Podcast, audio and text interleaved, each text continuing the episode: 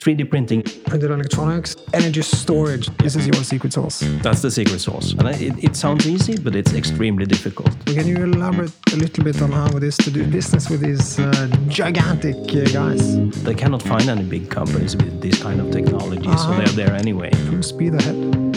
Full so, speed ahead, but we need to industrialize it. He is the executive chairman of one of the most exciting industrial technology stories listed on the Oslo Stock Exchanges. His company has a market cap of about 4.5 billion NOKs, that's about uh, half a billion dollars. Yet another successful Arctic IPO at 27 per share in March, currently trading around 35. That's about 67% annualized return. Not bad, not bad. This exciting company has 190 employees across offices in Canada headquarters, that's uh, far away. We're going to touch upon that. France, China, India, Korea, Japan. Our guest today is representing Tekna, the 3D printing powder technology company that has a vision to be a global leader in advanced materials with a mission to develop, sell, and service turnkey plasma solutions, utilizing this knowledge to manufacture and supply industrial grade materials and services. Welcome to the studio, Morten Henriksen. Thank you very much. It's uh, it's a pleasure being here and to be able to talk about one of the more exciting companies I've ever worked with. Um, Tekna is just that, and uh, and uh, you already summed it up. So uh, very I, nice. I think it's very exciting, but I think that it's a bit difficult to understand. Also, uh, to be honest, so we need to take one step back uh, because I think the starting point, at least for me, when I look at Tekna, is, is 3D printing. Mm. And uh, so, yeah, I guess we can start. So, what's your definition of 3D printing? Well, it's it, it's quite easy actually. Um, when when you talk about industrial process to produce parts, uh, uh, sort of different parts, whether they're metallic or whether they're plastic or whatever, um, you start by something and then grind it down to something you want it to be. Uh, you start with a block and you take away everything that is excess, and then you you end up with a part that you put into a car or an or an airplane or something. Okay, yeah. With 3D printing, you start the other way. You start with oh. very small particles and you start gluing them together, which is is sort of not what you do. It's not glue, but you melt them together in order to form the parts exactly as you want them to be. And when you do that, you take away the, all the waste you end up with when you start the other way around. So it's it's it's the next level of industrial production of parts. Sounds very smart. Now I must admit I uh, remember uh, ten years ago it was a front page of The Economist it's a little bit unfair, but it's a little bit funny because the economists sometimes get things very wrong, very well. In Norway, we all remember when, when uh, in '98 oil price was 10, and they said the oil price is going to be below 10 forever, and then of course it went to 100. Mm. And and I remember this because, and I wanted to ask you about this because they had a front page in 2011, so 10 years ago, saying uh, "Print me a Stradivarius." It was uh, the future of 3D printing, the next trillion dollar industry. And we have to be honest, Morten it, it didn't happen so far. No, it didn't, and uh, and there's, there's good reason for that because uh, if you want to use 3D printing to make parts, to make things, uh, it has to be competitive in addition to being sort of advanced, uh, and that means you need to attack the high-end markets first, and that's why 3D printing with metals, which is sort of what we are dealing with, uh, it started out in aerospace, in medical, it's slowly moving into other types of industry. Automotive is the one that is really uh, really pushing for it now. But still, even even today, when we've been working on this for the last ten years, both in in um, aerospace and within uh, medical, it's still only adopted to a rather small level. But we see more and more companies now adopting that technology, and that's the drive for the growth that will continue for the next 20, 30, 40 years.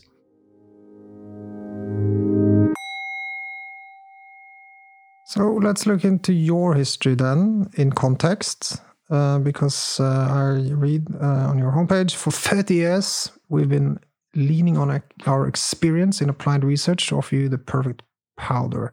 And then I read on your LinkedIn profile that you actually you have another daytime job as well in Arendals Fossekompani. And we have seen you in offices in uh, also in context with Volue, if I remember correctly. So uh, yeah, and then of course, so Arendals Company bought this company in 2014, and then uh, Arendals Fossekompani IPO'd the, the, the stock in, in 2021, as we touched upon. Still owns 80% or 79%. There's a lot of questions here, but I guess uh, starting point: how how how on earth did uh, Arnold meet Quebec? How, how did uh, how did you find this company, and then what made you what made you look for it, and how did you find it? Uh, it wasn't exactly a speed date, at least. um, okay. uh, no, uh, th there's actually a link between Tekna, which is using induction to create the plasma, and another company we own, which is EFD Induction. They both uh, use high frequency, high powered uh, induction technology, uh, which is, is also advanced in itself. Is, uh, uh, is, uh, induction is a difficult word for me. I'm a simple sales guy, so induction means very very heated. Uh... Induction means basically that you can transfer energy through air or through. Uh, it, it's like when when you have um, induction top on your uh, on, oh, yeah, well, on, in your kitchen. Cook my food, yes. Yeah. yeah, yeah. The top itself is not heating up. What's heating up is only the material you put on top of it. -huh, okay. so so you transfer energy through air or through any kind of material that is not being heated up at the same time. Uh, and that's the core of the technology in EFD induction, and it's the core of the technology in Tekna. And and, and, and this and has the, something to do with the 3D printing that you said was not yeah. glue. It's yeah. not glue. It's it's heating. It's it's melting. Melting. Yeah, uh-huh. yeah, yeah. Okay. But but the point is that that the original link between AFK and Tekna came through EFD induction. EFD induction met Tekna uh, numerous times in the early 2000s. Um, and they started talking together and they saw that, well, they are basically doing the same thing at the time. They were building machines that could deliver high frequency, high powered induction solutions. Um, and they used it for very different things uh, because Tekna was using it to transform materials. Uh, EFD was using it in order to sort of uh, do uh, welding, to do heat shrinking, to do uh, hardening of components towards the automotive industry, for instance. Uh, was was doing more research type of work, but they needed the same source, the same core technology in order to do this. So in 2007, uh, EFD Induction actually took a, a position in Tekna, um, 49% uh, stake uh, and with uh-huh. an option to buy the rest. Um, so Arnold Arnold owned EFD, and then so it was a company that you owned that took a stake in Tekna. Yeah. Uh-huh, uh-huh mm-hmm. I see. And but, then and then you bought the whole thing. Yeah, because at that time it was only only based on the the sort of uh, uh, synergies of building machines together uh, using the same core technology. Um, from uh, 2013, AFK took a next step into this by uh, acquiring the shares of Tekna that EFD was holding, and then started negotiating with the the, uh, the founder to buy the rest of the company.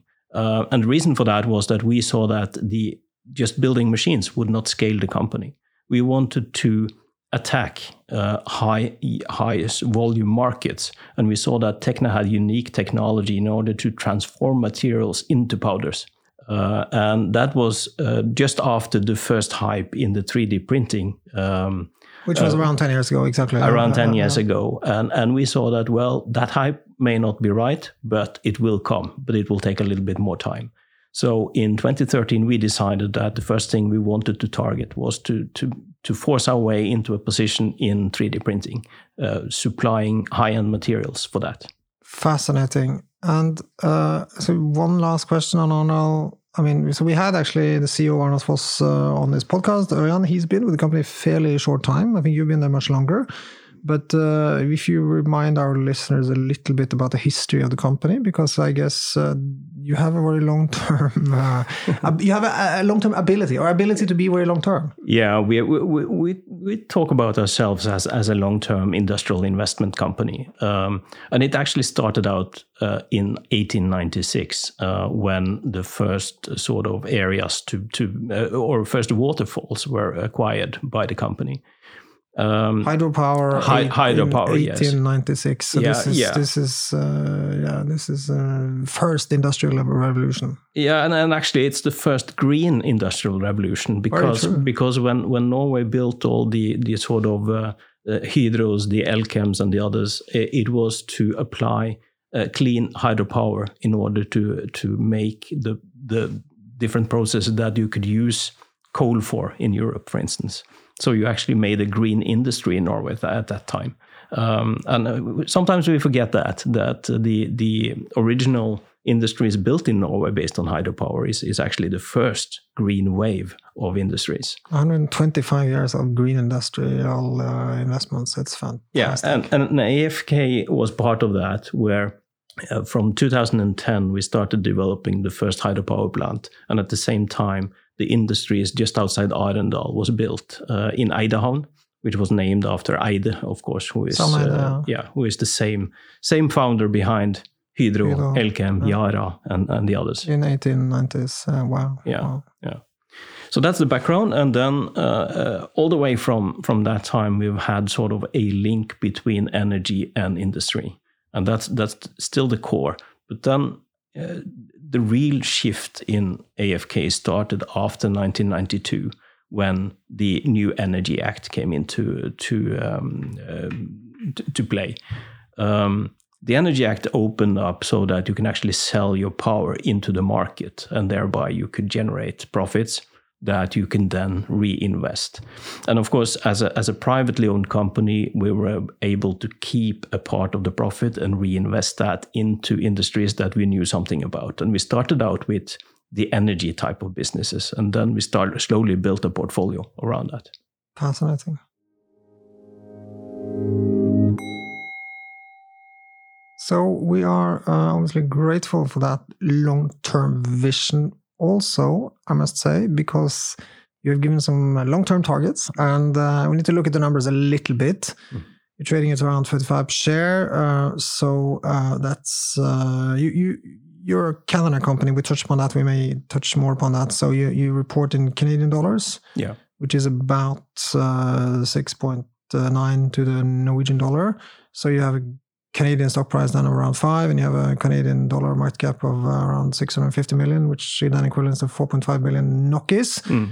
Uh, you have uh, net cash of around 50 million Canadian, uh, so net price value around 600 million Canadian. Now, your revenue in 2021, uh, based on the analyst uh, Daniel from Arctic, is around 30 million Canadian. So that's around 20 times sales. So that's mm. uh, maybe a little bit high, some would say, objectively, if they haven't looked into it subjectively like we do now. Mm. But then, of course, you have some very punchy targets. Um, you are targeting 40 to 50% organic revenue growth per year. And then our analyst, again, uh, referring to his publicly announced numbers, is that you're going to get to almost 100 million already in 2023 and uh, then uh, you know 300 million in uh, in 2025 uh, yeah, wow, that's mm. one hell of a growth. Mm. It is, and uh, and it's it's it's of course um, um, numbers that you need to sort of take in when you look at Tekna. But uh, if you look down in the in the the, the sort of substance behind it, uh, you will see that 3D printing, which we have already entered, we have eight percent market share, perhaps up to nine percent this year.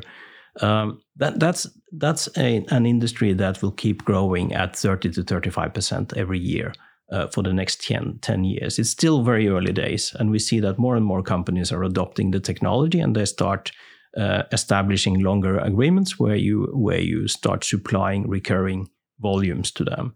Is is this is this the market size that Tekna has given a slide? You say that. Uh, I think it was uh, in 2011, then, so 10 years ago, they were hyped. The, the market size was only about $20 million. Mm. And then this is the market size that is going, that, that grew then from, well, I would say it grew from $20 million in 2011 to $200 million in 2020. Mm.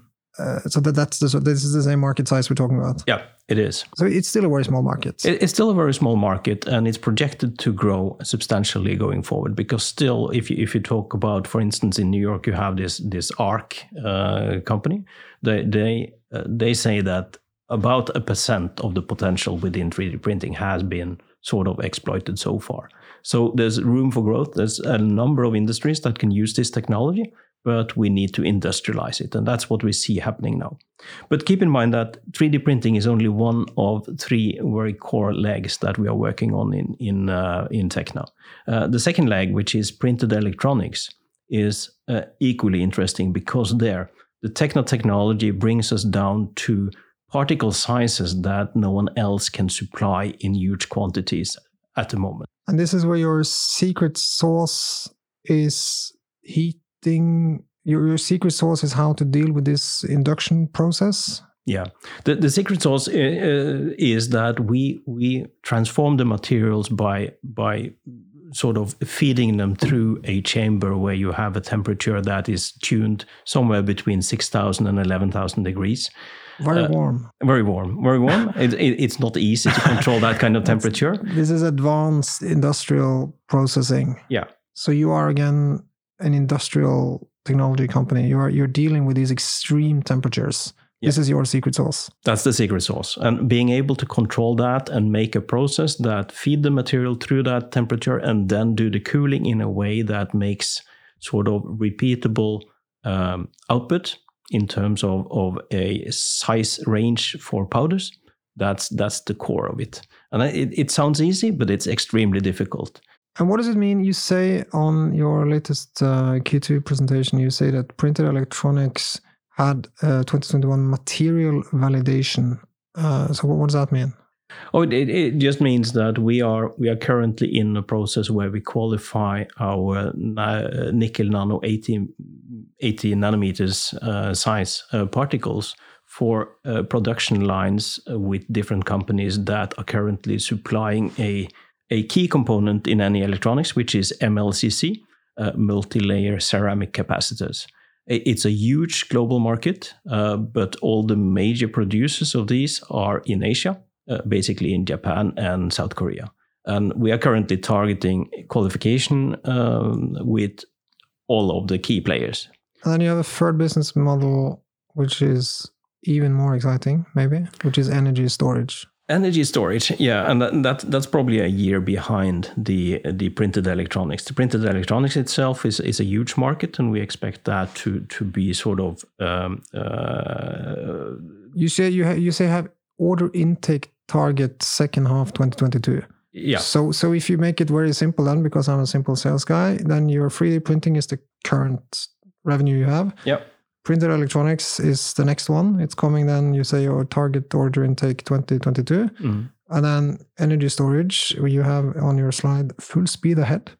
Full so, speed ahead. So that's, but that's full speed ahead, but things takes time. Yeah, because because um, in in um, in um, electronics uh, we have a product and we see that that product has a huge traction with the existing industry that can use the particles we supply. In uh, in battery, uh, the chemistry is a lot more sort of um, uh, different from one uh, customer to another. So that when, when we supply a particle that is going to be mixed into an anode of a battery, which is nanosilicon, um, uh, when we work with a specific customer, uh, he wants us to tune that process so that the particles fits exactly his process. And then you ask another one, and he will say that, well, I, I need it slightly different. So you need to be able to tune the process. But that's the beauty of Tekna's technology that we can tune and put uh, additional components into um, the, the particles. We could make coatings and we can do things like that in order to adapt to a different chemistry with the different uh, battery manufacturers. Your customers are very big. You're you're a fairly small company. Yeah. Must we have Arnold Foss is, is a good backer and the ability to be long term, but but you're a fairly small company. But then uh, you have a slide on your customers. It's uh, General Electric, uh, BMW, Pratt and Whitney, Pratt and Whitney, Honeywell, uh, Thales, uh, Airbus, some of the world's largest companies, probably in terms of uh, maybe not market caps, but people employed and mm. capital employed and all that. So can you elaborate a little bit on how it is to do business with these uh, gigantic uh, guys? Oh, it's it's challenging. Uh, I've uh, participated in a number of the discussions with these guys, and, and of course they are used to dealing with big companies. Yeah, exactly. But but they cannot find any big companies with this kind of technology, -huh. so they are there anyway. Uh-huh. Um, uh, but of course, when, when they say that, well, we, and then we need a guarantee of uh, 500 million euro or a billion euro. They ask uh, you for a guarantee of a billion euro. Yeah, and we say, well, that's doesn't work. that's not going to happen. so it's it's uh, th- there's a number of things you need to negotiate, uh, realizing you're a small company. We visited uh, Japan and Korea a couple of years back before the COVID nineteen, and. And uh, when you when you do a company presentation of Tekna and AFK, and then you talk to some of the giants in Asia, and they say, "Well, we have a in this segment we have a hundred billion euro in revenue annually," and we talk about, okay, we have in AFK we have uh, two billion. Uh, or 1 billion or uh, even less than that and then you come Tekna we have a few million Yeah. then of course million. you see the big difference but uh, as long as the technology is is uh, is good enough and you handle it professionally, we can work with these. But of course, we need to bring Tekna to the level where it's visible, uh, and and that's part of the IPO process Yeah, I was going as to well. ask that. That's that's part of the reason why they decided to come Mm. to this studio and why they decided to, to ring the bell. Uh, maybe that was a virtual bell ringing on the first day of the stock exchange. But uh, I guess you are you are more visible now. we're, we're much more visible and and we have a sort of a a public uh, position which makes it easier for us to attack the different customers and say that well hey uh, we, we're we're in there. We're approved by the investment community. And uh, if we need to scale up we also have access to the funds. And if we need to at some point scale up even faster well we know how to address that. And on on your customers, uh, you uh, sent a stock exchange release on the fifteenth of June, saying that you had a 3D printing titanium powder deal with Airbus. So um, yeah, I guess we start there. What is it? So the the, the stock exchange release says uh, this agreement positions Tekna as one of the key provide powder suppliers for Airbus, including its divisions defense and space and helicopters. I guess that is to clarify that uh, they're mainly known for their big planes, Mm. but you're now supplying both, including defense, space, and helicopters, as well as its related supply chain for titanium alloys. So uh, that's kind of pretty pretty big deal. This contract. Mm, yeah, and um, and I've been personally into the negotiations there for more than a year and a half. You went Uh, to Toulouse. Toulouse a couple of times, yes. Um, also lovely, other places. Lovely, lovely place. A lovely place, um, but uh, hard negotiations, uh, and of course uh, you need to you need to bring them to the understanding of what Tekna is and what Tekna can do, uh, and then uh, still make it to the final final signature, and then that's that's hard work. But then But, you uh, announced another deal another a month later in the middle of the summer holiday in uh, Norway, and many people go to Arendal for summer Mm. holiday. It's a Mm. beautiful place on the south coast. 14th of July, you say you have a 10 year AM metal powder agreement with a tier one customer, uh, leading EU jet engine and aerospace component OEM. Mm. So I was on holiday and I thought, oh, that's Airbus. Mm. But it's not Airbus It's not Airbus because you Um, already had the agreement with Airbus. So you have yeah. another one as well. Yeah, we we we don't need to have a second agreement with Airbus. Um, Exactly. Uh, we already have one. Uh, this is um, a, a similar type of agreement uh, with another very huge player. Uh, we are not allowed to disclose who it is. Um, that's the policy of them, and and of course, as as as Tekna, we are we are happy to just disclose that anon- anonymously if um, uh, if our counterpart wants that, because we always uh, play with the customers um, and and be on their team. Um, but it's it's it's a very big um, big uh, player in this industry, and is also one of the one of the sort of key customers we have been working with for a long time. Um, I must admit, I googled uh, who are the big uh, leading EU jet engine and aerospace component OEMs, and uh, I came up with a chart from uh, I think Statista.com. They said Pratt and Whitney has 35, 36% market share, CFM International, which I don't know, has 34.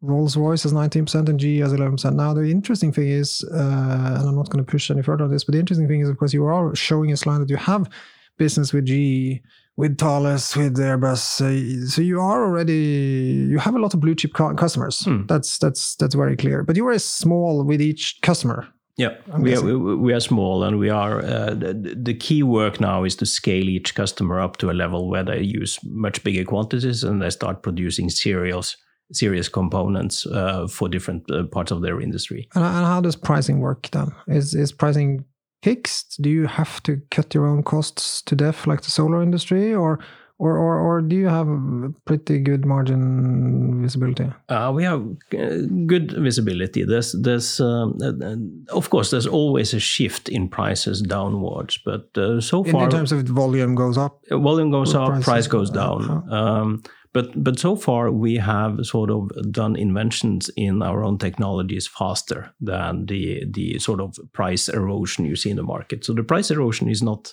a big concern for us. Uh, we see that we can probably increase our margins with the way we uh, we uh, keep on modifying our process and making it more efficient. We are touching then next on your battery capability, and then coming back to your sort of free pillars. Uh, first of all, 3D printing. Second of all, uh, printed electronics, which we touched upon, and then of course the energy storage side. Now, uh, what does uh, Tekna has to do with Tesla? Both starts with a T. what else?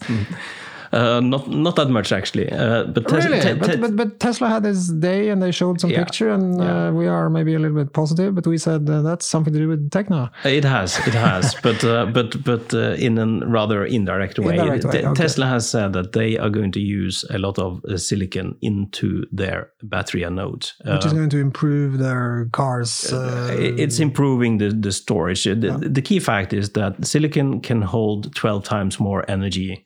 Uh, per volume than than for instance uh, graphite, which is used in the anode of the battery today. So if you add a percentage of, of silicon, then you can increase the storage in the in the battery, and, and you could think yourself how much that would affect uh, cars, for instance. Here I, I cannot think I'm not smart enough, but my analyst Daniel, a smart guy, so yeah. he made some calculations showing that uh, a future battery with silicon anode would have a lower battery cost per kilowatt hour and and be better. So it would be a better battery mm. with lower cost. Mm. So so that that's the key. And and what exactly your role here? No, the, the role is that is we it's we, indirect via. No, no, no. We we produce. We have made machines that can produce uh, industrial quantities of nanosilicon in particle sizes from 30 nanometers up to 150 nanometers.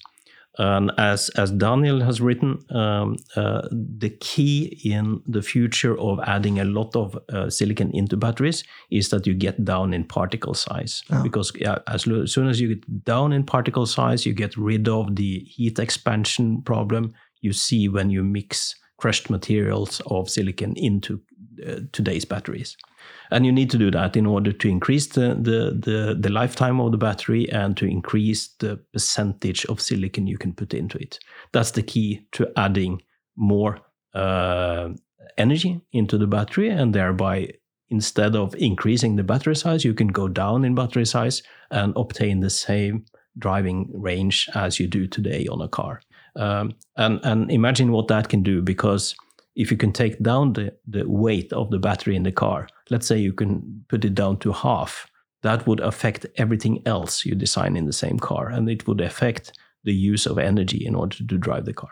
I'm uh, a little bit uh, short of words because obviously, well, you know, Norway is a country that has been subsidizing electric cars quite heavily. So mm. uh, you see now that some of these Chinese car companies are coming to Norway. Actually, I saw Skal vi danse this weekend, Strictly Come Dancing, and there was some Chinese company I'd never heard of. I had to Google them, and they were apparently quite big. Mm. Uh, I forgot the name. It was Chong or something, and they yeah. were selling their first. And uh, of course, there's NIO selling their first electrical cars in Norway now. So we're a little bit again. Norway is a little bit maybe ahead of the curve, you mm. could say, in terms of the technology development and, and for the future of the batteries. Mm. And uh, and remind me your collaboration with LG Chem.